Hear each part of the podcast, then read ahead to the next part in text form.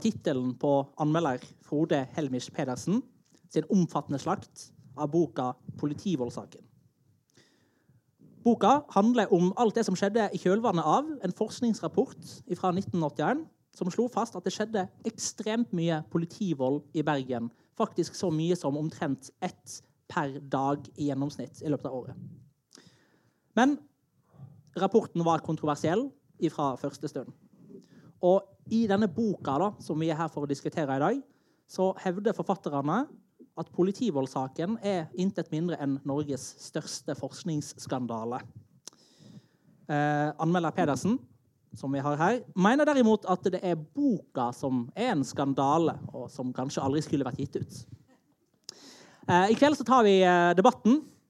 Var Nordhus og Vogt forfatterne bak eh, denne forskningen svindlere? Eller er det forfatterne av boka som har ureint mel i posen? Um, med oss uh, i dag så har vi uh, et panel for å diskutere disse spørsmålene. Um, vi kan uh, begynne med På min venstre side, for deres høyre side, så har vi først Bjarne Kvam, som er forfatter da, av boka. Gi han en varm applaus. Per Christian Magnus, forfatter.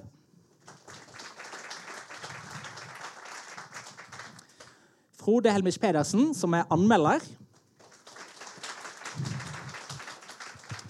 Og til slutt Trond Quist, som er filmskaper.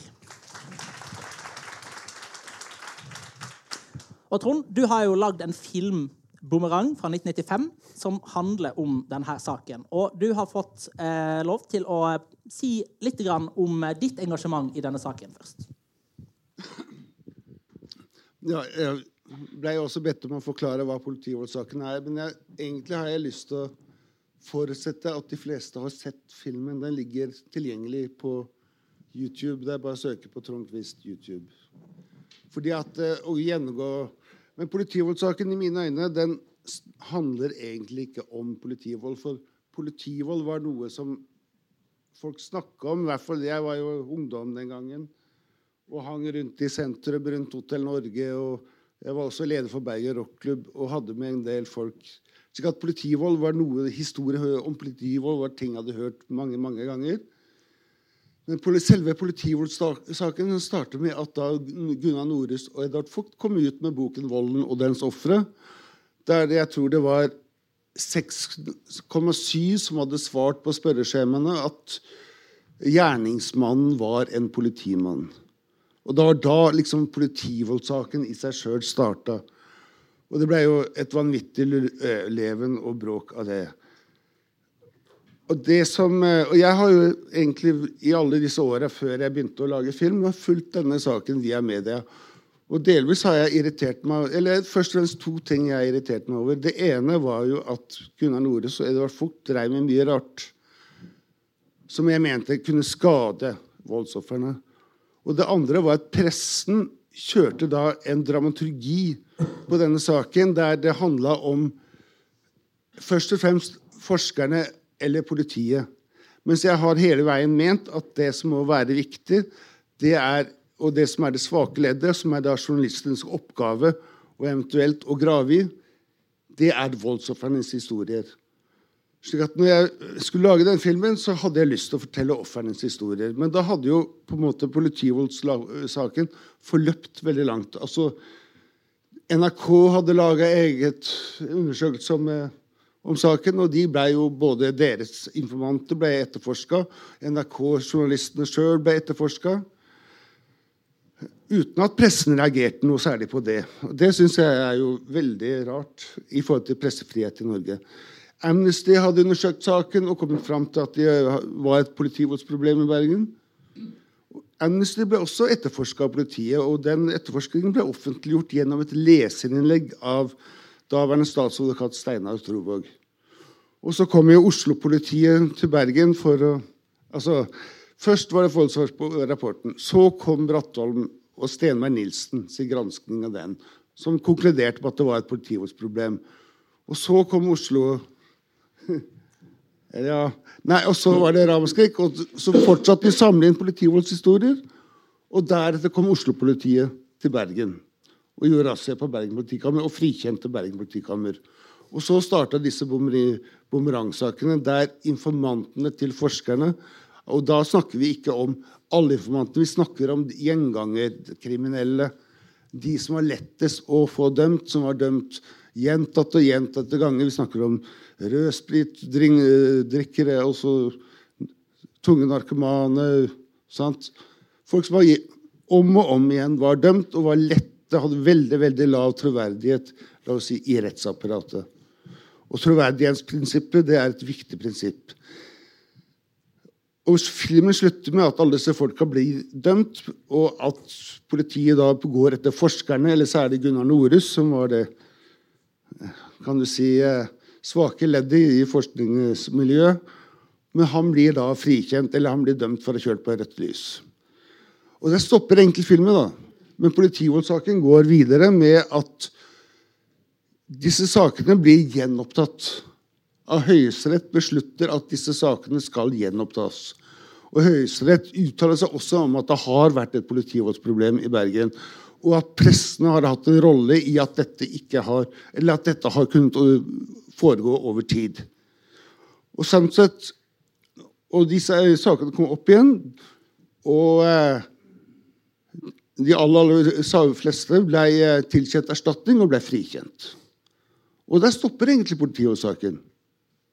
Og det eneste som er noen gang Ingen politifolk er dømt for å si om, om, vold, men det eneste som har fått en dom over seg i denne saken, det er egentlig pressen, mener jeg. Fordi at de har ikke gjort jobben sin med å stå på de svakeste side. Og Der starter også Bjarne Kvam. Bjarne Kvam var på den tiden såkalt Den dagen filmen 'Bumerang' skulle vises på TV, så skrev Bjarne Kvam en helsides kronikk i Bergens Tidende samme dag som var en advarsel mot filmen. Én ting er at han ønsker å gjøre det, men at dette er også et redaksjonelt valg i, av redaktøren i Bergens Tidende. Og det er veldig viktig, for det forteller veldig mye om pressens rolle. Etter Høyesteretts dom så ble den såkalte Gravegruppen, som var den verste politilakeigruppen i pressen i Norge, der Bjarne Kvam, Finnbjørn Tørn, Håkon Strøder var medlemmer, de ble nedlagt. Og Bjarne Kvam forsvant ut med skam. Og Siden har han jobba med å lage denne boken. Og denne boken handler ikke om politimotsaken i mine øyne. Den handler om at Bjarne Kvam skal gjenreise sin egen tapte ære. Ja, det er faktisk min mening. Det er ikke noe fornya punkt i politivoldssaken. Jeg har ingenting ja. Så, så, så det, som du, det, som du, sier, er at de har en skjult agenda med denne boka? Ja, altså Når de kommer med dette, er at hele voldsrapporten er en konspirasjon. Altså at de har laga 12 000 sider eller 10 000 sider skvalder som ingen skal lese, som ser ut som en utedass for ikke noen skal orke å se på det, med den hensikt å komme fram til det overraskende resultatet at det var så mye politivold i Bergen så kan de like gjerne lage en teori jeg kjenner flere folk jeg, som forteller meg at de hvite stripene etter lufta er gasser som skal kontrollere menneskeheten. Og de har sett bilder inne fra disse flyene. Og de kan melde seg inn i Jordas flathetsforening eller noe sånt. Men dette er for meg helt spinnvill konspirasjonsteori. Og ingenting annet. Og det er en skam egentlig at denne boka blir utgitt. For det er en privat agenda. Ok. Da um, har jeg bare lyst til å, før, vi, før jeg gir ordet til dere, så har jeg lyst til å eh, skyte inn en uh, liten ting. Eh, boka står jo til salgs her, som du vil ha mulighet for å kjøpe etterpå, for øvrig. Uh, og vi holder på til klokka sju med debatt, men det vil bli mulighet for spørsmål og kommentarer og innlegg og den type ting etterpå. Ja, det må bli veldig kort. Veldig kort. I Bumerangfilmen så er det faktisk ufrivillig, men sant så er det de to som framstår som representanter, talsmenn for politiet. Det er to redaktører i Bergens Tidende. Dette var aldri planlagt. Men det har sammenheng med at vi ble boikotta av politi og påtalemakt. Og det er Kjartan Rødan og Einar Eriksen. Og det er faktisk litt interessant i ettertid å tenke over. Yes. Og Bergens Tidende var jo da på politiet sin side, bare for å ha det på det rene. Um, yes, da uh, går ordet til um, Per Kristian, ja. du eh... Jeg hadde jo ikke ventet så mye positiv omtale fra våre to meddebattanter her. Um, så jeg vil jo gjerne begynne med å, si at um, faktisk, uh, i mine øyne, så, så, fikk denne boken en veldig god mottakelse. To dager etter utgivelsen så, så ga Sven Egil Omdal også en femmer i BT og Stavanger Aftenblad. Og, vent litt, da. Spørsmål etterpå. Okay. Og, så, um, og den fikk en femmer i Bok 365. Og vi, Willy Pedersen i Morgenbladet ga den veldig rosende omtale. Eh, vi ble innkjøpt av Kulturrådet. Og vi har fått oss en lang lang rekke positive henvendelser fra høyesterettsdommere, ledende professorer i juss i Oslo og Bergen, eh, ledende samfunnsforskere og vanlige folk som både kjenner politivoldssaken og ikke kjenner politivoldssaken, og personene bak den, og som opplever dette som et viktig bidrag til forståelsen av vår nære historie og vår samtid. Gjennom snart 30 år som journalist så har jeg brukt veldig mye av tiden min på å avsløre fusk og svindel i den gode saken. Enten det er eh, bistand, misjon, frivillig arbeid, miljøkampen, eh, næringsutvikling i distriktene eller forskning. For det er noe med eh, disse, Den gode saken har gjerne en affinitet i forhold til de som vil utnytte den på gale måter.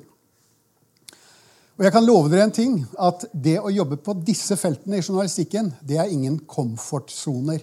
Det er ikke behagelig jobbing som journalist å jobbe med kritisk journalistikk på den gode saken. Denne boka er det mest omfattende arbeidet jeg har vært med på. Jeg ble kjent med Bjarne for ti år siden. Vi begynte å jobbe med denne boken da samtidig. Eh, og Bjarne er, som Gard Steiro sa til meg, den journalisten i Norge som han kjenner som den mest systematiske og mest veldokumenterte journalisten. Det har jeg fått erfare, for deler av min, min jobb i dette har vært å ettergå fakta i saken ettergå gamle kilder osv. osv. Denne boka har også vært krevende å jobbe med. Fordi jeg var student i Bergen på 80-tallet. Jeg ble politisk aktivisert av politivoldssaken. Bevisstgjort av politivoldssaken. Og denne boken handler om et misbruk, ikke bare av mine politiske reflekser, men den handler også om det som vår første redaktør i forlaget, Per Bangsund, sa, når han leste vår første manusversjon. Per Bangsund, som for øvrig var mangeårig eh, Klassekampen og Dagbladet-journalist, og kanskje den i Norge som skrev mest journalistisk om politivoldssaken. Politivoldssaken har formet en generasjon radikale i dette landet. Et mindretall av våre lesere er sterkt kritiske, som Frode her. Da har du de som aktivt deltok på den tiden med forskningen og gikk i god for den, de har jo sett den som en personlig anklage og rent instinktivt har reagert mot den. Så har du de som ikke klarer å legge vekk de ideologiske brillene fra 70-tallet og 80-tallet. Hans Petter Graver sier i et intervju i Morgenbladet om boken vår at aksjonsforskning, altså den sterkt politiserte forskning, det var, det var det vanlige på den tiden. Og det som er interessant da, er jo at Thomas Mathisen har jo skrevet en bok om aksjonsforskning. Hvor han understreker at altså aksjonsforskning der hvor du virkelig ville, du ville fremme en sak gjennom forskningen din, så sa han det at uansett hva du finner, uansett om du finner noe som ikke hjelper deg til å fremme den saken du ønsker, så skal sannheten trumfe alt. Og så har jeg lagt merke til at eh, en god del jeg antar, har uttalt seg sterkt kritisk om denne boka. Ikke har lest den i det hele tatt. Eh, nå kan Frode svare på etterpå. Han var jo raskt ute på alle medier. Eh, jeg mistenker at du var raskt ute. Jeg, du kan svare etterpå om du hadde lest den når du var først ute med den. Og så er det de som mener dette, er jo ikke, dette er jo for utrolig. Det går ikke an. Det er jo hinsides fornuft, hinsides rasjonalitet, det vi skriver om i denne boka. Og det kan jeg veldig godt forstå. For ser du på verden og ser du på forskningsfeltet med en type strukturelle briller hvor sånn er det, sånn skal det være, osv., ja, så er jo dette galskap. For den måten å se det på utelukker de individuelle avvikene som i denne, dette tilfellet representeres ved forskerne Norhus og Fugt. Derfor har vi også ment at det var helt nødvendig å skrive om svindel med hestene, svindel med testamentene, svindel med gatekjøkkenet, svindel med eiendommene til Norus, eh, om hans diagnoser og om hans bruk av falske identiteter. Uten disse historiene så er jo dette her riv ruskende hinsides enhver normalitet. Og så er det en, til slutt en gruppe akademikere ved Universitetet i Bergen. Så langt kan jeg se at de er enten kolleger eller har et vennskapelig forhold til familien Fugt. I denne gruppen hører Frode til. Um, For jeg, har hørt, jeg jobber også på universitetet, så jeg har hørt om kollokviene på Sosiologisk institutt, hvor de har sittet nærmest i gruppearbeid og saumfart boken for å finne feil. Og Frode har jo avvist på mail at han har vært med på disse kollokviene, men jeg antar at du har fått litt, litt hjelp i arbeidet med ditt lange skriftstykke kritikk i prosa. Uansett, Frodes kritikk er svært omfattende. Så, og han skriver som han skriver. Han har funnet mange feil og usannheter i boka. Da sa jeg til Bjarne at ok, jeg skal ta jobben. Jeg skal gå gjennom Frodes tekst og så skal jeg lage en liste på den kritikken Frode har. Og jeg gjorde det. Jeg har gått gjennom den teksten i alle fall tre ganger og laget en liste. Punkt 1. Frode viser at vi tar feil med Gudny Larsen. En fargerik byrettsdommer i Bergen. Norges første kvinnelige rådmann for øvrig. Og vi gir en litt fargerik beskrivelse av henne i historien om, eh, om, om, om eh, eh, saken til Gunnar Norhus i 83. Og Der skriver vi at hun har ikke fått overprøvet en eneste dom i sin karriere som byrettsdommer. Frode fant det var feil. Én dom av de 17 dommene står i Lovdata, ble hun overprøvd til Høyesterett. Vi beklager. Men der stopper det. Jeg fant ikke noen flere faktafeil som han kunne påvise. Vi, eh, professor Martinussen så jeg på Facebook. Han var jo raskt ute og karakteriserte vår omtale av Fugts eh, professorutnevnelse som eh, ren løgn eller grov løgn. Så ble det stille. BT hadde jo et graveteam for å grave opp dette. her. De ringte oss og skulle ha tilsvar osv. Vi ga de dokumentasjonen, og vi hørte ikke noe mer. Og det ble stille, tror jeg, for jeg har ikke fulgt med på Martinussen. Og Frode nevner det ikke. Men hvordan kan da Frode skrive om igjen og om igjen at vår bok er full av feil og usannheter? Resten av hans kritikk, jeg regner med dere har lest den, eh, oppfatter jeg som ren polemikk. Greit, det. Eh, det er en ren polemikk mot vårt språk, vår argumentasjonsform. Han mener vi insinuerer, han mener vi mistenkeliggjør uten dekning. Journalistikk og forskning har akkurat det samme sannhetskravet over seg. Journalistikk og samfunnsforskning har veldig mye felles metodisk. Der disse to skiller seg, er på form og språk. Journalistisk språk er gjerne mer direkte, mer muntlig, mer folkelig. Og Det er tydelig at det er språket vårt som irriterer Frode. Han ønsker seg en helt annen bok. Så jeg oppfordrer i debatten nå at vi kan skille de to tingene. Fakta og dokumentasjon og det som har med språk i boka å gjøre. Så har jeg to spørsmål til Frode. Du sier gjentatte ganger at vi er så mange feil og usannheter i boka vår. Har du andre eksempler enn eksempelet med Gudny Larsen, som fikk én dom overprøvd til Høyesterett? Og spørsmål to. I forskningsetikkloven paragraf 8 så står det følgende Med vitenskapelig uredelighet menes forfalskning, fabrikkering, plagiering og andre alvorlige brudd på anerkjente forskningsetiske normer som er begått forsettlig eller grovt uaktsomt i planlegging, gjennomføring eller rapportering av forskningen. Det som står der, er i prinsippet, hvis man ser i forarbeidene og kommentarene, det samme som står i De ti bud. Du skal ikke lyve. Uansett hvordan du vrir og vender på boka vår, så står løgnene i planleggingen, i gjennomføringen og rapporteringen av forskningen fast. Og da er mitt spørsmål til Frode hvor mener du grensen går for vitenskapelig uredelighet? For dette skriver du ikke noe om i din kritikk. Og Bjarne som sagt, han eh, er god på notater og har funnet fram noen av de notatene fra 93 og 94. Og de er jo relevante i forhold til Trond sin innledning. Ja, vil, vil, du ta det nå, eller skal vi la eller, ellers skal vi la Frode få svare på eh, den kritikken? Kommer an på hvor god hukommelse publikum har. Men du kan jo kanskje Nei, men hvis vi skal vente okay, lenge på å svare Nei, altså Eh, for det første, når jeg skriver det der med at eh, boken er full av og så, og så ramser jeg jo da opp feil, uredeligheter, urimelige tolkninger osv. Så videre, sånn, sånn at uh, det er jo en lang rekke av ting boken da, uh, negative ting boken er full av. Men en annen feil da, som du ikke nevner, er jo at for det første så står det at prinsippet om kontradiksjon er veldig er et uomgjengelig prinsipp i denne type forskning. Hva er det for noe?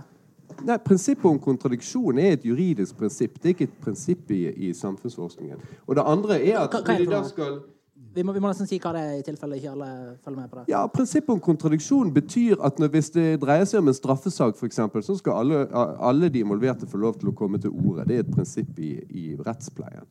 Uh, men så når de da skal, de da skal eh, uh, vise at uh, at dette er så sentralt som det er, så siterer de en bevisteoretiker, John Henry Wigmore.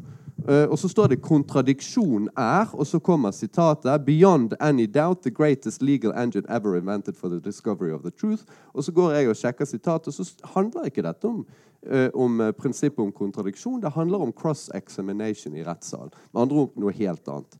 Det er jo en feil, det vil jeg si. For ikke å si sitatfusk. men, men ja. Så, så, det, var, det var ett eksempel til på en feil. Og, og, jeg kan nevne mange andre, men det blir jo litt sånn detaljer. da. Men, eh, La oss ikke henge oss altfor opp i detaljene. Okay, okay. Hva, hva er ho hovedkritikken din mot boka? Ja, men nå var det det neste spørsmålet. Ja, Uredelighet i forskning, sier du nå. Ja, Men det er ikke det dere snakker om i, i polemikken. Dere snakker om svindel. Eh, og nå sier du plutselig uredelighet. I, i, på, i, uh, i uh, tittelen så står det 'skandale'. Alt mulig kan være en skandale. Denne debatten kan sikkert være også en skandale. Altså, det, det, det, er veldig, altså, det, er veldig, uklart hvordan man beviser at noe er en skandale. Sånn at eh, Du snakket mye om svindel. Det som er fascinerende eh, for en leser av boken, er jo at eh, svindel lanseres ikke i begynnelsen som det som her skal bevises. Hadde de gjort det, eh, så hadde det måttet bli en annen bok. Da hadde de skrevet det at ja, med forskningssvindel mener vi følgende. Eh, disse kriteriene må oppfylles. Og så vil de gått igjennom eh, eh, forskningsrapporten fra 1981. Så ville man ha sagt dette er svindel. men sånn som, det, sånn som, de da gjør det i realiteten, så sier de ikke at, at nå skal vi definere noe som, som vi nå skal påvise med, med hensyn til denne forskningen. De bare ramser opp side opp og side ned over hundrevis av sider alt mulig negativt om Nordhus, Vogt og Brattholm. Og så på side 315 forekommer ordet forskningssvindel for første og eneste gang uten noen form for definisjon. Dermed vil jeg påstå at det foreligger ikke i denne boken en begrunnet eh, påstand om forskningssvindel. Ok, Bjarne, Har du lyst til å svare på akkurat det? ja, jeg har lyst til å svare på både det og mye mer til. Eh, dere, altså, dere, kaller de for svindlere, men definerer aldri svindel. Nei, men altså, Det er klart at uh, denne boken den, uh, den, lider av en viss sjanger schizofreni. Fordi at det er klart at Jeg kunne valgt å skrive doktorgrad jeg, om, om denne forskningssvindelen her. og da ville nok kanskje Frode Helmik Pedersen fått den boken som han eh, gjerne ville hatt, muligens. Men eh, den, en, en, en, eh, en, doktoravhandling som liksom følger ekstremt kjedelige og lang, langdryge normer i forhold til det å dokumentere, den ville jo ikke fått noe særlig stort publikum. Vi mener jo det at denne saken her, den hører med til den nære historien i Bergen og Norge. Eh, og at, eh, at, eh, den fortjener å få en form som ikke bare noen få akademikere skal lese. Og Dette har vært en problemstilling for oss gjennom mange år. Hvordan skal vi finne den riktige formen i forhold til å å, å, skrive denne teksten i det hele tatt. Det, jo, det var jo en av årsakene til at Tom Christensen kom inn på slutten, for at det skulle få en form som, eh, som eh, appellerer til flere enn bare eh, toppakademikere. Den tredje forfatteren som ikke er som i tillegg til Sånn, dere. sånn, at, sånn at det er, altså, eh, Frode Helmik Pedersen hans kritikk bærer jo fra A til Å preg av at han ville gjerne hatt at vi skrev en annen bok. Eh, Men det kommer vi da ikke til å gjøre. Og På eh, utfordringen om eh, hva som er feil med boken, der, er sånn der han strør om seg med at det er så mye feil, så har vi altså denne ene dommen til Gudny Larsen. Eh, og så har han da nevnt nå at eh, det er sitatfusk og bla, bla, bla når vi nevner kontradiksjon, og at kontradiksjon måtte være viktig for Norus og Fugt i dette prosjektet. For det første så er det helt feil, eh, som Helvig Pedersen her sier, at dette er kun noe som har med strafferett å gjøre. Kontradiksjon er selve det grunnleggende forutsetningen for, kunnskaps, for, kunnskapssamfunnet i, det hele tatt. Dette her er jo noe som kommer med den vitenskapelige revolusjonen på 1500-1600-tallet, der man da får påstand og motpåstand. Og dette er jo selve grunnlaget for menneskelig erkjennelse og vekst i kunnskap. Eh, Og eh, eh, det er ikke tilfeldig at dette er knyttes til Norus og Fugt. Og selv den professorkomiteen som evaluerte Fugts professorat i sin tid, eh, i, som kom med sin eh, evaluering var det vel i 95, de kritiserte jo Norus og Fugt fordi at de hadde gått god for alle de historiene som ble fortalt om politivold. Ukritisk. Og de sa det at dette var en svakhet ved forskningen. Og at eh, det, for det første så hadde ikke det vært nødvendig i forhold til at innenfor samfunnsvitenskapen eh, er ikke det som er eh, Det er ikke liksom sånn den metodisk bygges opp. Men når Norus og Fugt gikk 100% god for alle disse svindelhistoriene, som eh, professorutvalget ikke sjøl visste var svindelhistorier. Men når de går god for alle disse historiene, så ble de altså kritisert av professorutvalget for at de hadde på en måte, gått god for dette uten å kontrollere det. Unnskyld, mener du at, at Graver sier at dette er svindelhistorier? Nei, jeg sa- jeg sa jo nettopp at det var det men han hvordan ikke sa. kan du vite at dette er svindelhistorier? Ok, Svar på det. Hvordan kan du vite Poeng- det er svindelhistorie? Vi til Hvordan i alle dager kan du vite det? Altså, det, det, som, det som faktisk Olveus og Brattholm også aksepterte, det var det at Olveus påpekte jo en, den fundamentale svakheter og, og motsetninger i materialet. Som han sa, den eneste måten å forklare dette på, er at disse historiene dels er oppdiktet og i hvert fall altfor overdrevne. Eh, og det sa Bratholm seg enig i. Okay. Så enkelt er det. Og nå vil jeg bare arrestere ordstyreren litt her. Fordi at Når du kommer og introduserer dette, så er dette et typisk eh, eksempel på hvordan dette blir lansert. Du sier det at BT var på politiets side. Hvordan vet du det? Det, foregått, Det står, det står i boka. Nei, det som har skjedd, er det at det har vært én undersøkelse av BTs dekning i denne saken. Og den undersøkelsen den viser det at BT omtrent 50% nøyaktig var like mye eh, negative som positive artikler om denne saken. Det er den eneste undersøkelsen som er gjort. Og hvis du kjenner til noen andre ting, så er det veldig greit. Men jeg vil bare liksom arrestere det dogmet som liksom ligger der. For det er ikke riktig. Og verken Olveus eller Brattholm har, har ment at dette er svindelhistorier. Bare for at det skal være helt klinkende klart. Nei. Så det er. Bjarne Kvam som mener det, og ingen andre. Ja, altså, jeg har lyst til å På pressekonferanse Jeg skulka jo faktisk jobben jeg, for å gå på denne pressekonferansen når dere lanserte den jævla boka. Altså, Der sitter dere og sier at Høyesterett ble slurt av Nore så Fugt. Altså, Hvordan går det an å si noe sånt? Er de, mener, tror du ikke Høyesterett har sine egne vurderinger? Og dere trekker og gjør et jævlig svært poeng av at det var så og så mange leger og tannleger som ikke husker å ha uh, hatt noe med Nores og til å gjøre. Men de aller, aller, aller fleste politivoldshistoriene kommer jo via legevakten. Jeg, jeg så vidt jeg vet, så er det fast jeg det er prosedyre. å Det er fast, fast prosedyre å kjøre av stand Jeg intervjuet legevaktsjefen i 94, så det kan jo kanskje være av interesse.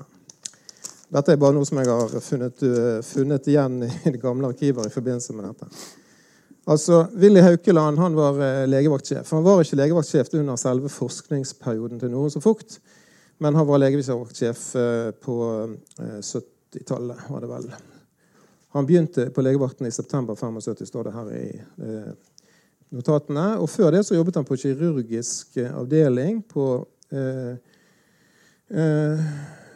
ja, så vidt jeg vet, på, på Haukeland i hvert fall. Og så står det i noe som folk sin rapport at de hadde 20 møter på avdelingen med disse medisinske folkene. Det sier Willy Haukeland. Det kan han ikke huske. Han var i hvert fall ikke til stede. Han var sjef på ortopedisk en stund, i 74.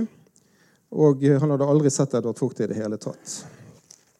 Når det gjaldt dette som ble påstått eh, under politivoldssaken med han Mørk Johansen, så sa det at gikk taxier i skytteltrafikk mellom Bergen politikammer og Bergen legevakt.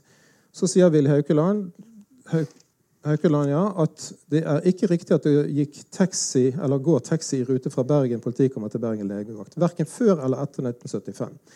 Jeg vet ikke om det forekommer. Har hørt at noen er tatt hardt, at noen har fått vondt i en underarm, at det gjør vondt med håndjern på, men slått ned, det vet jeg ikke. Hvis dette hadde hatt de dimensjonene, må det ha vært en helt ny generasjon politifolk. Vi har 90 000 pasienter her hvert år.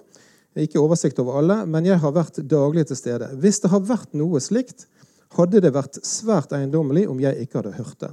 Jeg ble like overrasket som mange andre da dette kom i 1981. Ikke den hverdagen vi kjente. Hadde sikkert vært knuffing og litt slåssing, men derfor til systematisk mishandling, sparking osv.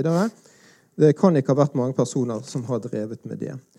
Hvis det hadde vært noe lignende det Norus og Fugt hevder, hadde vi registrert det. Men det har aldri vært tema. Og jeg tror ikke det finnes noe skriftlig materiale om dette prosjektet her på legevakten. Så det er ikke riktig at vi ikke har snakket med folk på legevakten, eh, sånn som det har vært påstått gang på gang, men poenget er at det finnes jo ikke noe dokumentasjon. Og de som eh, da kjenner til systemet, de avviser at dette kan være tilfellet. Så det er bare ett av mange notater som jeg har. Trond, vil, vil, vil, du ha en uh, kommentar til det kjapt? Så skal jeg stille deg et spørsmål. Altså, jeg kan ikke delta i en forskningsdebatt, for å si det sånn. Men jeg vet at i årevis så har folk som har ment at det var utsatt for politivold, det henvendt seg til meg. Jeg har blitt en slags holdt å si, voldsofferets talsmann i narkomanus, rusmisbrukere, altså hvem som helst. Altså, folk har kommet til meg i historier. Men etter hvert så har de jo slutta. Det betyr jo at man har fått en ny generasjon politifolk som behandler folk på en annen måte. Og de historiene etter pressekonferansen så var det jeg spurte en deltaker Jeg jobber fortsatt med rusmisbruk i dag, men han er jo liksom gammel alkis. Og da, han, han hadde vært med på et, en masseanmeldelse, og da var det Skien politikontor som hadde kommet. Og han er liksom, altså Det var en ny historie for meg, da, men uh, de historiene om direkte voldsovergrep de begynner å bli gamle. Altså Det er en annen profesjonalitet i politiet i dag. Men det skjedde den gang? Ja, i, ja. ja men jeg tror det at vi må konsentrere oss om hva dette dreier seg om. Jeg syns også det er rart at du sitter på en pressekonferanse og snakker om politivoldssaken og skryter av at du aldri har snakka med et, et voldsoffer i hele ditt liv. OK. ok. Jeg har lyst til jeg, har lyst til å spørre Per Kristian et spørsmål. Um, i, uh, I boka deres så skriver dere mye om det at uh, Nordhus enten var utrolig naiv Ikke Nordhus. Nei, Brattholm. Brattholm var utrolig naiv, takk. Uh, eller um, at Ja. Kanskje han hadde noe ja, Veldig uklart hva, hva, som kan være forklaringen. Eh, og um, kanskje han hadde en sånn confirmation bias. Eh, at han var en måte Han hadde en så sterk tiltro Eh, til disse historiene at han ikke greide å se forbi eh, alt det, alt det som tilsa at det var feil. Da. Spørsmålet mitt er må en forsker alltid anta at intervjuobjektene lyver. For det virker som at det er en, en antakelse i boka. Spørsmålet er feil. fordi at Vi må snakke om dette prosjektet. Vi må ikke snakke om forskere generelt sett. Dette prosjektet er helt spesielt. Og i, denne, i dette prosjektet, med alle disse historiene, så er det betimelig å spørre hvorfor undersøkte de ikke om, om, om voldsofrene løy. Og Nå er det på tide at jeg leser opp dette intervjuet jeg gjorde med han nå, nå, får det være nok med at han leser lange ja, ting. Jeg, jeg, jeg, tror vi skal Jeg tror faktisk ikke vi har tid til det. Beklager. Vi, men, Men det kan jo være interessant å høre Frode snakke litt om uh, uredelighet i forskning. om du definerer Ja, men- det som ja. noe annet enn svindel. Greit for meg, men, men hvorfor snakker du ikke Ja, om altså, elever? altså jeg, jeg, jeg, jeg tar meg jo i å spørre om dere noensinne har vært på en, på en disputas og hørt på hvilken type kritikk som er normal kritikk mot en forskningsprosjekt. For det, ganske, det kan være ganske heftig selv for eh, eh, prosjekter som blir stående, blir vurdert til å kunne stå. Eh, eller ja, altså bli godkjent. da. Eh, og veldig mye av det som her, altså inkonsistens i argumentasjon, grupper av, eh, av tilfeller som kanskje ikke burde vært tatt med, kanskje de aller fleste er enige, men de var med likevel. Alt mulig er det. Tror altså- må være litt konkret, for ellers er det ingen ja, den der, med salen. den der uh, gruppen av uh, 41-gruppen, for eksempel. Sant? Sånne, altså, uh, alle mulige metodiske innvendinger, innvendinger til materialet og sånn. Mye av det dere egentlig tar opp, uetiske, til og med uetiske elementer i hvordan eh, eh, innhentingen har foregått, alt det kunne ha vært i en eh, hva skal man si, en kritikk som gikk, hvor konklusjonen var at dette er dårlig forskning eller kritikkverdig forskning. eller mulig sånn. Svindel er noe annet. Svindel er fabrikkerte påstander. Eller løgn. Ja, eller løgn. Ja. Eh, Men eh, du snakker om, dere snakker om f.eks. løgn i ettertid i, i eh, debatt. La oss nå si, la oss ta et ta Nei, vi har akkurat sendt deg i dag et notat som dokumenterer la, la, oss ta tankeeksperiment. bare sånn, bare for å får etablert prinsippet. Hvis, hvis, la oss si at du har et forskningsprosjekt som er, eh, er bra, da. Eh, og vi er enige om det. Og så lyger eh, forskeren om det et år etter, etter forskningen. Så forvandler jo ikke den løgnen forskningen til svindel. Ja, men det er jo ikke det vi snakker om her. Jo, det snakker dere veldig mye om, for dere snakker om snakker om løgn løgn fra start til Dere snakker om løgn i forbindelse med Olveus-debatten særlig. Vi har, vi For det er det appendix. A. Vi sendte jo dokumentasjon til okay, deg i dag. ok, svar på det. Svar på det. Vi har Dette skriver da Edvard Vogt i 1974 til Det kongelige justis- og politidepartementet. Vi har organisert et godt samarbeid med ca. 30-40 leger på Haukeland sykehus og Bergen legevakt. Professor dr. med. Peter Heimann på kirurgisk avdeling Haukeland. Professor dr. med. Emil Steen på øre-nese-hals. Eh, Professor dr. med. Ole Jakob Broch på medisinsk avdeling Haukeland. Og overlege B. Christian Brynjulsen går alle aktivt inn for prosjektet. Politiinspektør ved Bergen politikammer, Svein Alsaker. Politiinspektør ved Hordaland politikammer, Svein Simones. Lege Tor William Søderstrøm, Øre Nesse Halsavdelingen, Haukeland. Lege Hans Petter Brink, øyeavdelingen Haukeland. Lege Anders Mølster, kirurgisk avdeling osv. Fungerer som konsulenter. Her, Dette vet jo du nå, for du har vel lest boka vår. Dette er jo løgn. Flere av disse har jo avvist at de hadde noe som helst med dette å gjøre. Hva er okay. det? Hva er ok, det ok. Eh, vil du svare på det veldig kort, eller skal jeg stille spørsmål? Ja, altså, jeg, jeg, jeg er ikke noe Altså, disse uh, uh, har holdt på med det, disse dokumentene i, i uh, 30 år. Mitt poeng er at eh, det er ikke noe påstand i denne boken om at eh, selve de intervjuene som er kjernen her, er fabrikkerte. Det, det står ikke der, Det er til en og med. totalvurdering. som Ja, men går det dette. står men til og med når vi det sender deg denne dokumentasjonen i dag, og du ser at den er full av løgn, hvorfor kan ikke du bare innrømme det? For det, det, det, det er Når helt sendte dere denne dokumentasjonen? Sendte klokken ni i dag Du morges. takket for den. Ja, altså, ja, det, det, der, eh, det der eh, brevet der. OK, nå skal jeg Ok, hva, hva- sendte dere til han, sånn helt Vi sendte han kopi av dette, dette Det som du leste fra nå? Ja, ja. Ok. Greit. Men, men det, som også Ja, for står, det som også står her Her er det en metodebeskrivelse fra 1974. Fra september 1974. Og det som har vært en, Et av eh, ankepunktene som bl.a. Helmik Pedersen har vært ute etter, det er ja ja, appendix A. Hvor ble det av? Jo, det var eh, unntatt av personvernhensyn. Her har vi en av metoderapportene til Nordås og Fukt. Ingen konfidensialitetsbegrensning i det hele tatt. Her står det blant annet okay, la, la, la, at Nei, men dette her er viktig. Ja, men la oss ta det. Nei, la, la, la oss ta det. App- Appendix A. Er ikke det rart at det er umulig å oppdrive? Jo, men når, når, eh, når det gjelder akkurat det der dokumentet så det som, Grunnen til at jeg ba om det, det er Dette er altså et dokument som eh, eh, Nordhus siterer fra i Olveus-debatten. sant? Og så sier han det at Olveus har ikke lest Appendix A. Ja, jeg er enig med, med, med Kvam og, og co. at det der Appendix A er underlig. Men eh, når, jeg fikk, når jeg leste gjennom det, da, for det, det der sier da at det eh, sitatet finnes ikke, og så har dere fått et skriv fra Riksadvokaten med et, hoved, med et metodehefte. sant? Eh, og hele poenget med det sitatet er at det nevnes andre intervjuere. Nevnes Jo, det er det, det, er det Det er et sitat som er hentet fra denne rapporten, fant og det fins ikke der. Det er okay, det som er blir en poenget. veldig veldig sånn teknisk detaljgreie. Jeg fant det sitatet, og det, det, det står at det er et justert dokument. Og, og, og det sitatet det er lett å påvise hva som er grunnlaget. Ok, ok, Da skal jeg stille dere et spørsmål. Eh, fordi at det, Jeg må ha litt vann, altså. Jeg er så tørr. vi må eh, få litt mer vann. Litt mer vann. Vi må ha litt mer vann. Ehm, vi, vi skal ta spørsmål fra salen klokka syv.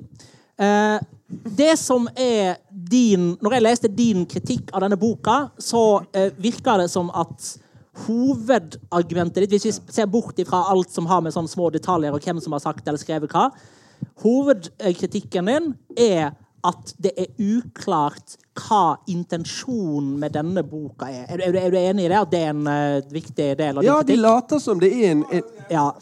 Ja, De later Ja, som det er en, handler om, om en en forskningsrapport fra 1981. ja, er det en kritikk de av forskningsmetode, eller er det en renvasking av politiet, eller er det en diskreditering av Nordhus? Eh, eller er det et eller annet eh, suspekt greier som du driver med? Hva, eh, hva var egentlig formålet deres med boka? Jeg kan snakke for min egen del. Ehm, Det var et journalistisk motiv. Jeg jobbet ganske lenge med den kriminelle løpebanen til Gunnar Norhus. Eh, Høres jeg? Hører dere meg? Ja. Eh, Og hadde satt meg ganske grundig i den. Lagd en rekke NRK-saker på den løpebanen der. Traff Bjarne. Vi begynte å snakke om dette. Jeg kjente jo politivoldssaken godt, men ikke fra det perspektivet han hadde.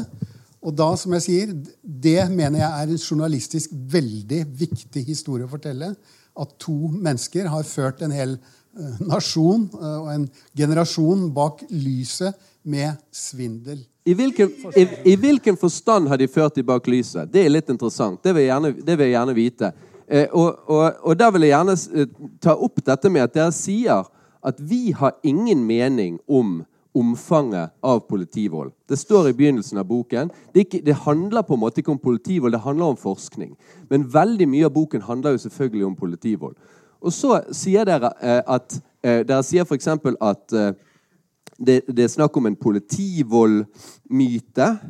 Eh, eh, og så sier dere at eh, at eh, eh, det, eh, at Bergen politikammer var ikke et voldskammer.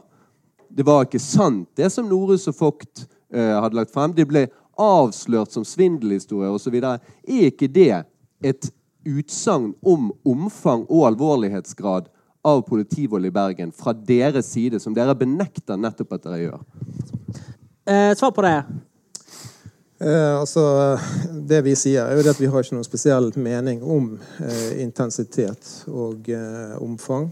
Men eh, fra det til å si at, eh, at det er helt umulig å mene noe som helst i den retningen, det er jo noe annet. Men altså eh, Poenget er det at eh, eh, det vi avslører i denne boken, som du, eh, Frode, eh, overhodet ikke er i stand til å gjendrive i det hele tatt, fordi at når du sier at denne boken er full av feil, så har du bare La- la én ting, og det er denne de dommen til. Gunhild Larsen. Altså, poenget, er det at, eh, poenget er at forskerne de har en sannhetsforpliktelse som de er forpliktet på. Og eh, dette er veldig uklart om Frode Helmik Pedersen egentlig bryr seg om i det hele tatt. For her er det påvist løgn på løgn på løgn på løgn. Okay. Og dette, okay, okay. dette går ikke inn hos Frode Helmik Pedersen. Han er bare ute etter å skjønnmale Norus og Fugt og sier at denne boken som er problemet, det er ikke Norus og Fugt som er problemet. Nei. Andre forskere, Ok, ok, andre forskere greit. som tar dette Trond, seriøst Trond skal få ordet, og så skal du få svar på det etterpå. Så Altså, jeg kan godt For eksempel det første La oss si var det 6,7% av voldsofrene oppga politimannen som overgriper. Jeg kan godt tenke meg at i det materialet der fins det masse folk som ikke At politimannen ville neppe blitt dømt fordi det er såkalt lovlig anvendelse av makt. Men det er også et veldig diskutabelt begrep, da. Ja, som noe de Fugt ikke bryr seg om. Hæ? Ja, som Norus og folk ikke bryr seg om. Og som de har fått Nei, altså jeg kan ikke uttale meg om det. Men, men det er selvfølgelig, Og jeg kan også være godt tro at no, Gunnar Norhus kan ta snarveier. Men at det faktisk var sannheten som kom fram i den forskningsrapporten, i all hovedsak, Altså, Jeg kan ikke gå, gå god for tallene, men den samme sannheten har Høyesterett kommet fram til. Den samme sannheten har Amnesty Ja, International okay. kommet fram La til. la og det er også dere driver med billigere. Dere prøver for eksempel å diskreditere Anders Brattholm når dere snakker om granskningen av Nordøst og Fugt. Men dere glemmer, dere nevner jo ikke Sten Berg, høyesterettsadvokat den gang. Stenberg Nilsen. Jo da, vi navnet. han. Ja, så, men dere, okay. fordi okay. det er Bjarne, lettere Bjarne. å diskreditere Dere diskrediterer Høyesterett. Har, har, har ikke de eh, troverdighet i sin dom? Selvfølgelig har Høyesterett en generell troverdighet, men akkurat i denne saken her så, så kan man jo si at Høyesterett faktisk ble lurt. Og det som skjedde i Høyesterett når eh, Walter Wangberg kom der med disse sakene, så var det jo det var vel åtte bumerangsaker. Eh, Han fikk ikke tatt strikken av omslagene engang. Han fikk ikke dokumentert en eneste konkret sak. Dette var en politisk avgjørelse egentlig fra Høyesterett. For de var ikke interessert i de konkrete sakene og gå inn i hver enkelt sak, sånn som man skal gjøre i straffeprosessen. Hvorfor var ikke og dette er jo også kritisert av professor Asbjørn Strandbakken, den kjennelsen som Høyesterett kom med i den saken. Den kjennelsen er svært skjevfremstilt i, i politivoldboken.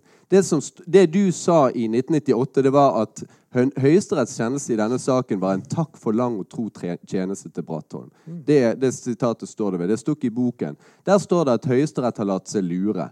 Og så gir dere en slags fremstilling som går på at, at disse voldsforskerne eh, har hatt makt til å snakke vekk alle slags dommer i, i, i fra eh, tidligere. Snakke vekk sånn at de forsvinner, skriver dere. Eh, Hele, politi, hele liksom Oslo-politiets etterforskning forsvinner. Og Det er jo ikke noe dekning for det i høy, den høyesterettskjennelsen. Det er Høyesterett sier Du kan jo analysere teksten og så se hva som står der. Ja, men det, ja, og det som står der, er jo annet at grunnen til at disse ble dømt, det var den sedvanen som man hadde i eh, norsk rettspleie, nemlig at polititjenestemannens ord teller tyngre enn ordet til en kriminell. Her var det typisk ord mot ord. Og så sier Høyesterett det at i en sånn sak hvor det er anklager om politivold, så er det urimelig å dømme folk kun på grunnlag av polititjenestemannens utsagn. Derfor så kan ikke vi la dette stå. Og den saken er klinkende klar i kjennelsen, og den er ikke fremstilt slik hos dere. Der, er det, der virker det som om Høyesterett rett og slett har vært har rett og slett bare eh, blitt lurt av voldsforskerne, som jo er totalt vill påstand. Nei det er ikke noe vill påstand. Og det, det som jeg nettopp fortalte deg i sted, at dette her, at de gikk ikke inn i noen av de konkrete sakene, det er jo nettopp bevis på det at de kan ikke ha vurdert hver enkelt sak om dette bare var ord mot ord eller ikke. Og når dette var i lagmannsretten og disse instansene, så var førstelagmennene veldig opptatt av det. At her skulle det ikke være nok med ord mot ord, det måtte være noe mer til. Og dette var en del av rettsbelæringen som også ble gitt til, til juryene. Og de var ikke i tvil om at de var skyldige. Så dette var en politisk prosess som endte med en politisk avgjørelse i Høyesterett. Og det er, dette er virkelig veldig fascinerende, og en av grunnene til, til at dette er en interessant bok, nemlig det at dette er et av de få eksemplene der vi virkelig kan vise at medievirkeligheten overstyrer faktisk den virkelige virkeligheten. Og Det er et fantastisk fenomen. Og du som er litteraturhistoriker, eller som er litter, litter, litteraturviter eh, Du er jo ekspert på å analysere tekster, og det har jo det justismordprosjektet hos dere eh, drevet på med i øst og vest. Du kan lese disse tekstene i, i, i disse dommene og kjennelsene, og du ser det at de avgjørende tingene i politivoldssaken med at Norhus er en løgner eh, Alle disse her påstandene fra 86-87 ble gjendrevet. Dette er fullstendig borte vekke i disse avgjørelsene. Det som også er borte vekke i denne boken, her, det er jo alle politiets overgrep mot forskerne. Spaning, overvåkning, telefonavlytting, eh, eh, trakasserier i trafikken og så alt det der. der. Det har ingenting med forskningen å gjøre. All, ja, men, Men det er det er det som er poenget her. Unnskyld, Denne boken handler om unnskyld, forskningen. Bjarne, Bjarne Kvam, er ikke det, syns du, et angrep på forskningens frihet når, når forskernes telefoner ble avlyttet? Ja, kan man forestille Du vet ingenting om det. Jeg har sett dokumentasjon. Jeg når NRK blir sikta Når NRK blir sikta altså skal man ikke få NRK, eh, Trond Strand og, og eh, Anders Wam de ble jo sikta av politiet for medvirkning til falsk forklaring, så vidt jeg husker. Fordi de hadde intervjua andre folk enn de som var en del av forskningen. Altså, jeg har jo, kjente jo godt til Bjørn Nilsen, som er en av han som ble slått så hardt i magen at han dreit på seg og ble hivet ut av resten morgenen etter. De orka ikke ta avhøret, for han lukta så jævlig. Sant? Altså, Ok. eh, ja, han har jeg kjent siden jeg var Men Men Per, Christian, jeg har lyst til å spørre deg. Jeg har lyst til å spørre... Nei, nei, nei, vent. Nå skal, nå, skal, nå skal jeg stille et spørsmål til Per Kristian. Nå skal jeg stille et spørsmål. Det virker jo som at eh, en rød tråd i boka deres eh, er at dere sår tvil om Nordhus og Vogt sin troverdighet pga. at de har tatt eh, mer eller mindre store snarveier her og der. Og så på en måte blir det mye til sammen, og så diskrediterer dere det på det grunnlaget. Men så det virker jo som at eh, ja, Er du uenig i den fremstillingen? Ja, jeg synes det, det er helt altså, Bare dette ene dokumentet som Frode Helgmy Pedersen fikk i dag, det er så fullt av løgn.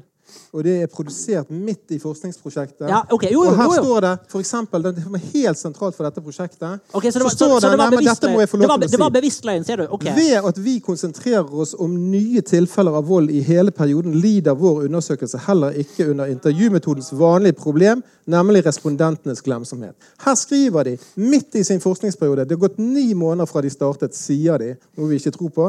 Men det har gått ni måneder. Og så eh, sier de at vi skal ikke bry oss om noe annet enn nye tilfeller av vold. Og det som har skjedd tidligere, som er avhengig av respondentenes eh, hukommelse, det skal vi ikke ha med i den undersøkelsen. Men det ble det sentrale i hele undersøkelsen. Ja. Skjønner du? Sånn at dette er jo bare en smørje som de har drevet på med og formet etter hvert som det passet de, funnet på nye ting. Og så, og så er hoved, eh, hovedkonklusjonen bak disse 360 tilfellene i, som de kommer med i 1981, det er nettopp tilfeller som skjedde før undersøkelsen. Okay, så på, Så det her er jo løgn. så på, på, påstanden din er at eh, Norhus og Vogt er veldig bevisst eh, Så for, å for å svare på det spørsmålet, så sa Hans Petter Graver i dette intervjuet i Morgenbladet for litt tid siden I den grad dette stemmer, så diskrediterer det hele prosjektet. Selv om dette bare omfatter deler av materialet, og ikke de delene som var viktige for påvisning av politivold. Det er viktig for alle forskere å ta kategorisk avstand fra slikt. Løgn og fusk er noe annet enn naivitet og dårlig håndverk. Og Hvis dette forekommer, så svikter hele prosjektets troverdighet, sier han. Hvis det forekommer. Og du snakker om snarveier, om sånne, du, du liksom gir oss litt rett, og sånn, men du, du svarer ikke på mitt spørsmål. Hvor går grensen for vitenskapelig uredelighet, vil du si? Hvorfor, hvorfor, Løgnene i står der, alle dager, hvorfor i alle dager skal jeg, som ikke har skrevet en bok om forskningssvindel, svare på det? Ja, du Det er jo dere som må det. svare på Men du har en bok som Problemet er jo at dere ikke svarer på det. det er dere som Det er det, jo du som må svare på det. Du er, du er omtrent den eneste som er har lest det er vel dere som har skrevet boka, så det er vel dere som har bevisbyrden for den påstanden?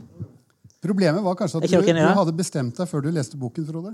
Jeg tror iallfall at, jeg, jeg tror, jeg tror i fall at dere to hadde bestemt dere for at Norus var en svindler lenge før dere begynte å skrive boken. ja, det boken. visste vi godt. Ja, nettopp. Vi visste det veldig godt. Eh, eh, og, det står, og det står jo i, mot, i motsetning til det du sier nå. jeg visste ikke han. Det visste ikke jeg. Eh, Du ble engasjert gjennom den hestesaken. hele Nei, jeg hele ikke boken er skrevet ut fra premiss om at Gunnar noe er en svindler.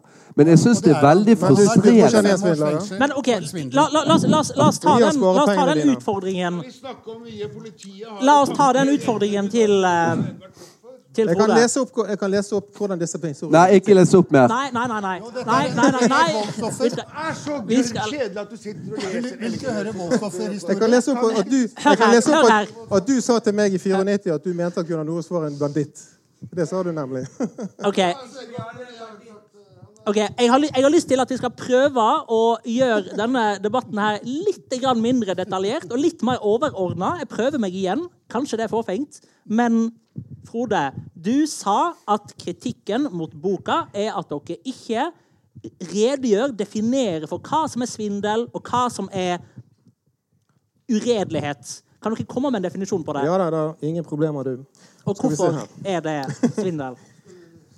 Nå skal se her. Jeg vil ha, jeg vil ha, Det jeg vil der- ha, det der må du kunne gjøre på sparket. Ja, ja, ja. Jeg har det, jeg, jeg har det på sparket her. Altså, det Ja, står I forskning, forskningsetikkloven så står det det at med vitenskapelig uredelighet menes forfalskning, fabrikkering, plagiering og andre alvorlige brudd på anerkjente forskningsetiske normer som er begått forsettlig eller grovt uaktsomt i planlegging, gjennomføring eller rapportering av forskning. Og på momentet anerkjente forskningsetiske normer så sier de det at eh, kjernen i dette refererer seg til sannhetsgehalten i det vitenskapelige arbeidet.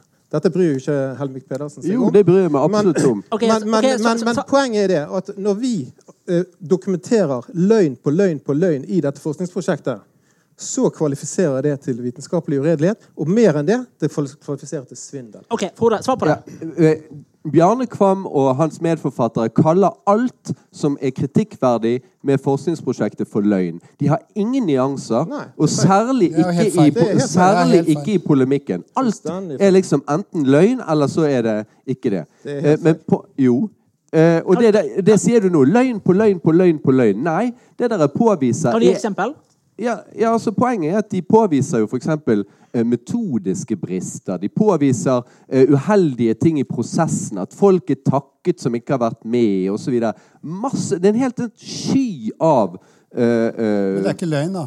Det er bare, bare snarveier. Men det er vel sånn ikke- det, jo, altså, det å ta med en, en, en gruppe som dere f.eks. mener ikke skal være med, er jo ikke løgn.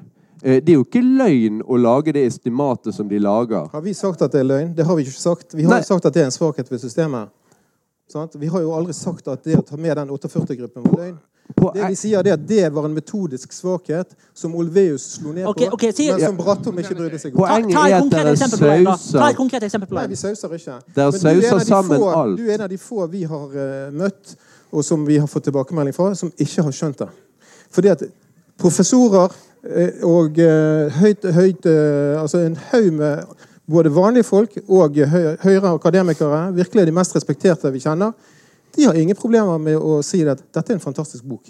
Dette er helt suverent. Dette er stålbra. Jeg er dypt Den- den har- den har Dette er sånne tilbakemeldinger er som vi får. den er jo Men. Henrik Pedersen han skjønner ikke dette. Ja. For han forholder seg ikke til sannhets... Jo, men Anerkjenner ikke du at den, kon- at Jeg, jeg, jeg kan fortelle at jeg snakket om denne boken til, i Forleggerforeningen i går. Der var setter alle forleggerne i, i hele Oslo.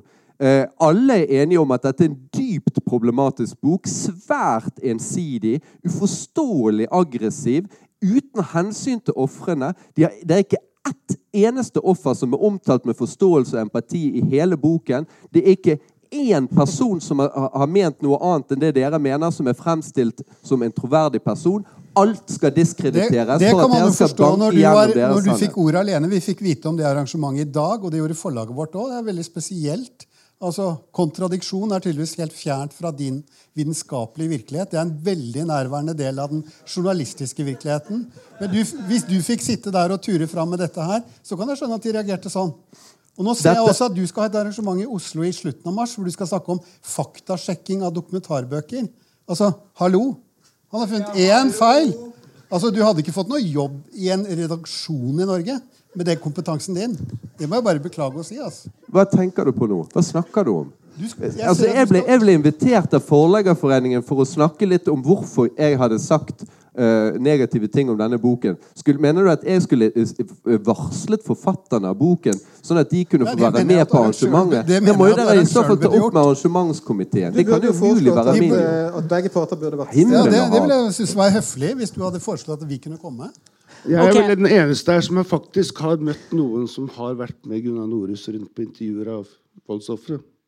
Men det er jo, han samme var guide for meg i miljøet. Det var en som het Glenn Nord, og han har faktisk gitt ut en bok med samme forlegger som dere. Men han er død i dag, da. Men han var jo veldig, og han ble også var med når Gunnar Nores ble stoppa i trafikk. I hvert fall én gang trafikkontroll, såkalt. Ja, okay, men, Og, men han insisterer på at Gunnar Nores var dønn seriøs i intervjusituasjonen når han møtte mennesker. Ja, dønn seriøs. Altså, her forteller voldsoffer eh, Eve, en som jeg intervjuet Men dette er en som var til Gunnar Nors betalte, for, Gunnar Nors betalte alt for oss på Bergen Airport Hotel. Det var en utrolig fest. Vi festet på Nores sitt rom. Det var bare Nå snakker du om Amnesty. International, Vi drakk i ett døgn i strekk. Norus betalte 25 000 kroner i kontanter hadde han med seg. Da dette ikke var nok, måtte han ringe til Terje er Gudmundsen og få tak i mer penger. Det var aldri noe problem med penger. Ca. 1-2 timer før vi skulle snakke med Amnesty, ble det stopp på drikkingen. Så kjørte vi drosje til Svitel Edvard Grieg. Ok, Der var men Amnesty, hva- hva for- og vi var der i fem minutter. hva, for, hva for en rapport var det du refererte til, hvis det ikke var Amnesty-rapporten som du tenkte på? Ja, nå snakker han om Amnesty. Ja, Hva var det du tenkte Altså, på? nei, jeg, at jeg vet bare at Glenn var med rundt og fant fram til voldsofre. Og hj- hjalp sånn som han fant fram Han spora opp alle bumerang-sakofrene eh, sant, for meg, da. Og han var også veldig delaktig når jeg lagde Junkies. da. Ok, Per Kristian. Men, eh, Vi- men han vi- vi- sverger på at vi- Morris var veldig seriøs i intervjusituasjonen. Men jeg har ikke, og han stoler jeg veldig på. Selv, altså Jeg stolte okay. veldig på han sjøl om han er der i dag også. Vi, eh, tida flyr, og vi skal snart åpne for spørsmål fra salen. Så får vi se hvordan det går. Men eh, Per Kristian, jeg har lyst til å eh, spørre dere. Altså Det virker jo som at eh, det er mange som hevder at Jo, men det her er Jo, men det her Forsknings... eh, altså, politivolden har skjedd. Det er jeg sikker på at vi kommer til å få eh, folk i publikum som kommer til å Det er hevde det ingen etterpå. tvil om. Nei, sant? Em, hva tenker dere at de har på en måte å tjene på å liksom være så engasjert i denne saken og komme på det her møtet hvis det er løgn? Eller hvis ikke det er sant? Hvem, hvem er det som kommer på hvert møte? Med? De, de som hevder at politivold er et stort problem, eller har vært et stort problem, hvorfor engasjere seg hvis ikke det stemmer? Nei, Vi sier ikke at det ikke stemmer. Vi sier ikke at det ikke Dere insinuerer det jo langt på vei. Nei, dere, dere, dere, dere ja, nei, Altså, nei, la- det, det, det, Jeg sier voldsforskernes mange anklager mot bergenspolitiet ble avslørt som en eneste stor løgnhistorie. Og så sier dere etterpå at vi mener at det var masse politivold også. Så vi er egentlig enige alle sammen. Samtidig, Det er jo etter veldig merkelig. hadde det var masse renvaska. Bergen politikammer. Ja. Men- sto der sammen med dere. Ja. Ble kalt 'mannen er gal' på Folkebundet i Fyllingsdalen. Ja, svar- på det. Hvordan forklarer dere det store eh, folkelige engasjementet hvis det ikke stemmer? jo da, det er jo flere som har meldt seg i Bergens Tidendes spalter, eller iallfall én, og forteller, forteller om det. Og jeg, selvfølgelig er Det sånn at det vi skriver om her, er løgnene til Norus og Fugt om forskningen deres. Det er det som er fokus i boken. Men det blir liksom Ok, Så dere tar ikke stilling til Kan du hvorvidt si at dere har renvaska politiet? Så det dere sier, er at dere eh, sagt. dere ikke tar stilling til at? Det sa det, leste avisa. Hei, hei, hei. hei, hei. Nå har ikke du fått ordet. Nå har ikke du fått ordet. Spørsmålet var um, om Ja, nei, nå mista jeg tråden. Ok, vi, vi, vi- vi må snart gå til spørsmål fra publikum. Eh, dere skal få ett minutt til å oppsummere hver, og vi begynner der. Ett minutt, vær så god. Ja, vi, politiet og de fleste har veldig mye å takke Gunnar Nores og Edvard Fugt for. Fordi den gangen når de holdt på, og dette meste foregikk, så var en politimann en som hadde vært i MP i militæret og hadde, var minst 1,90 høy. Og tre, gikk tre år i kurs hos en politimann som, og, nei, på grunnkurs, og så var resten aspirant av en politimann under en politimann som antagelig hadde vært der siden krigen. Og sånn fikk de sin utdanning. Takket være voldsforskerne så har vi fått politihøyskole. Og Den gangen også var det nabopolitikammeret. La oss si NRK ble etterforska av Nord Nordheimsund politikammer. En tidlig annen sak det var Skien politikammer. Og Bergenspolitiet ble etterforska av Oslo politikammer. I dag har du tross alt fått SEFO, som er i hvert fall et fremskritt i enn det det var. Og jeg må bare si at jeg jobber jo tett på altså Jeg er veldig ofte på straksbrukere, og jeg ser politiet når de jobber. at Det er en helt annen standard i dag enn det var den gangen. Og det som blir kalt lovlig anvendelse av makt, masse av det. Når de driter kjeven av ledd på folk fordi de holder på å svelle en klump. Ok, tida ute. Sant? Det hadde aldri passert i dag. Det kan jeg love. Frode. Ja, altså jeg vil jo si at det som står igjen som det Jeg er enig med Trond Quist.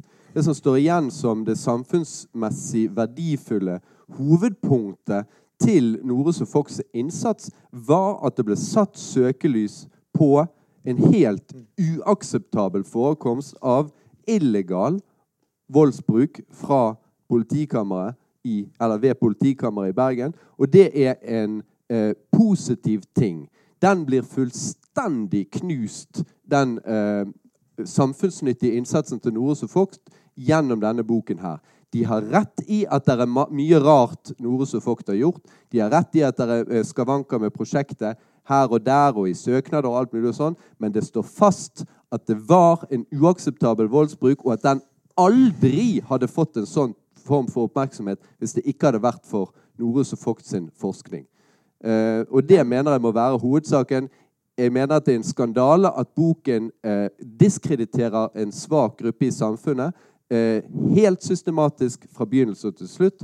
Og det mener jeg er uetisk, et uetisk aspekt ved Burde den ikke ha vært gitt ut, tenker du? Jo, altså Altså, altså jeg, kan godt, jeg kan godt eh, ta selvkritikk på at jeg sa det. Det er greit nok at den er gitt ut, men den må iallfall tåle eh, kraftig eh, kritikk.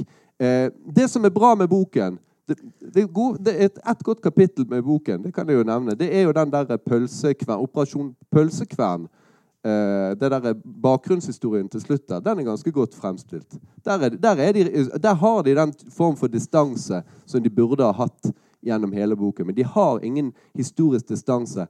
Alt er liksom som om det var i et stort flytende nå. Altså Ting som er sagt i 1993 eller 1983 eller 1973, har liksom akkurat samme verdi i denne eh, boken her. Så de mangler distanse og historisk bevissthet. Så det er dårlig litterært arbeid. Nei, litterært er ikke det så aller verst. Dårlig Litterært journalistisk arbeid. så aller verst. Dårlig journalistisk arbeid. Det er en krim, det er en slags, det er en slags krimroman. Det er en slags krimroman. Ok, Ja, En slags krim, gi, jeg vil gi. Trond og, og Frode rett i at det er kommet gode ting ut av denne saken. Eh, SEFO, som ble opprettet etter dette, er en god ting. Fokuset på politivold er en veldig god ting. Men så er spørsmålet Er da alt greit hvis bare resultatet er bra? Og da tenker jeg på Kan en forsker ved Universitetet i Bergen si det? Ja, men resultatet var jo bra. Og fortsatt så hører dere han snakker, han snakker ned løgnene, svindelen, som er dokumentert for dere som ikke har lest dette. Les det og sjekk. Han snakker det ned som litt sånn rot og litt sånn. Er det greit for en forsker at det lyves i forskningen? At det svindles? At man utgir seg med falske identiteter? Og så videre, og så videre, og så videre. Det syns jeg er bekymringsfullt, og det har fortsatt ikke Frode besvart. Og det synes jeg er trist. Ja, altså For meg, så, etter all den eh, debatten som har vært om denne boken, så er liksom det store tankekorset at uh, dette er antagelig Norges største forskningssvindel, men det kunne skjedd igjen. Uh, fordi at uh, sånne typer som Frode Helmik Pedersen, som ikke bryr seg noe særlig om sannhetskravet i forskningen, så lenge dette er en god sak det er klart at Når de hopper på dette og skal renvaske denne type svindelprosjekter, så kan dette skje igjen i den gode saks tjeneste. Og det er jo dette som Per Kristian også nevnte tidligere. Kan jeg bare spørre deg, Mener du at eh, han har en skjult agenda? Nei, jeg mener ikke altså Det vet jeg ikke noe om, men det som jeg er sikker på, er i hvert fall at han svikter forskningens sannhetsforpliktelse. Fordi at han bagatelliserer alle disse løgnene, og så kaller han det skravanker. Og det er ikke korrekt. Og det som man også må tenke litt på her, det er det at eh, det er riktig det at Nore så fort satte søkelyset på politivold. Og så kommer vi med denne boken som kritiserer selve forskningen. Jeg er helt enig med Kristian og alle andre som sier at vi må bekjempe politivold, og det er bra at det skjer. Men når man skal vurdere denne boken, så må man også tenke på det at det har kommet tonn med tekster for Norus og Fukt før denne boken. Det har kommet sikkert til tolv bøker, det har kommet en film, det har kommet eh, masse masse artikler, teaterstykker, alt mulig. Alt har unisont gått Norus og Fort sin vei. Dette er det første kritiske søkelyset på politivoldssaken, og det fortjener den, denne forskningen fordi det var en svindel. Ja, altså Jeg tok jo opp prestesaken. Jeg tok opp eh, Altså jeg tok jo opp de kritiske kritikken som kom mot Noresfugt også. Men jeg prøvde å holde voldsofrenes perspektiv. Ok, Frode, du må få lov til å svare, for det var en del eh, ganske hard kritikk mot deg her. Eh, Ja, eh, ja, jeg kan betrygge alle og, med å si at jeg er også imot løgn i forskningen. Eh, og, hvis, jeg, og, hvis jeg blir, og hvis jeg blir tatt i løgn i forskningen, så, så skal jeg absolutt Uh, eh, komme med det største mea culpa. Men her mener jeg det gjelder å ha litt historisk bevissthet og se det litt på avstand. Og det at en forskningsrapport fra 70-tallet eh, eh, kan kritiseres på den måten her, har begrenset interesse. Det som er interessant, er hvorvidt det var eh, et, et uakseptabel, eh, illegal eh, voldsbruk av bergenspolitiet på 70-tallet. Men de tar ikke stilling til det, sier de? Det, ja, men det gjør de jo, for de sier jo at det var bare løgnhistorier og svindelhistorier. Det, mye utover Eh, 80-tallet. det var politivoldmyten, skriver de. Hvordan skal man forstå det? da? De diskrediterer jo alle som har ment at politivold forekom. OK, ti sekunder svar på det. Tror ikke jeg orker mer. Nei da, vi, det. eh, altså det, det, som er, det, som, det som alle andre enn Frode Helmik Pedersen skjønner, det er jo det at det som kritikken i denne boken går på, det er jo Norus, Fugt og Brattholm. Og at disse voldsofrene, de er brikker Vær nå litt rolig. Eh, eh, disse voldsofrene, som vi selvfølgelig har aller største sympati for, og som vi ble kjent med enda et, her i dag, som ble utsatt for politivold i, i Bergen, som vi absolutt tror fullt og fast på. Det er ingen problemer med det. Men saken er at disse ble brukt i, som brikker i et politisk spill. Så omfanget var mindre. Det, altså, det, det det, mest sannsynlige er det at omfanget var langt mindre enn det Nore så fort påstår, men vi vet ikke hvor mye eller hvor grovt det var. Men, men, eh, men at det var, det er alle enige om det. Men at de overdrev. Hvorfor kaller dere det politivoldmyten? Hvorfor kaller dere løgn en eneste sitatet- store Akkurat, løgnhistorie? akkurat det sitatet der, det er tatt eh, litt ut av konteksten. Fordi at det... La, la oss ikke ta konteksten på det, tror jeg. Eh, vi, runder, vi runder av eh, vår samtale der, tror jeg. Eh, jeg har fått inntrykk av at eh, våre paneldeltakere har lyst til å henge igjen litt grann, hvis noen har lyst til å diskutere eller stille spørsmål mer. Det er mulig å kjøpe boka der. Og tusen takk for at dere kom.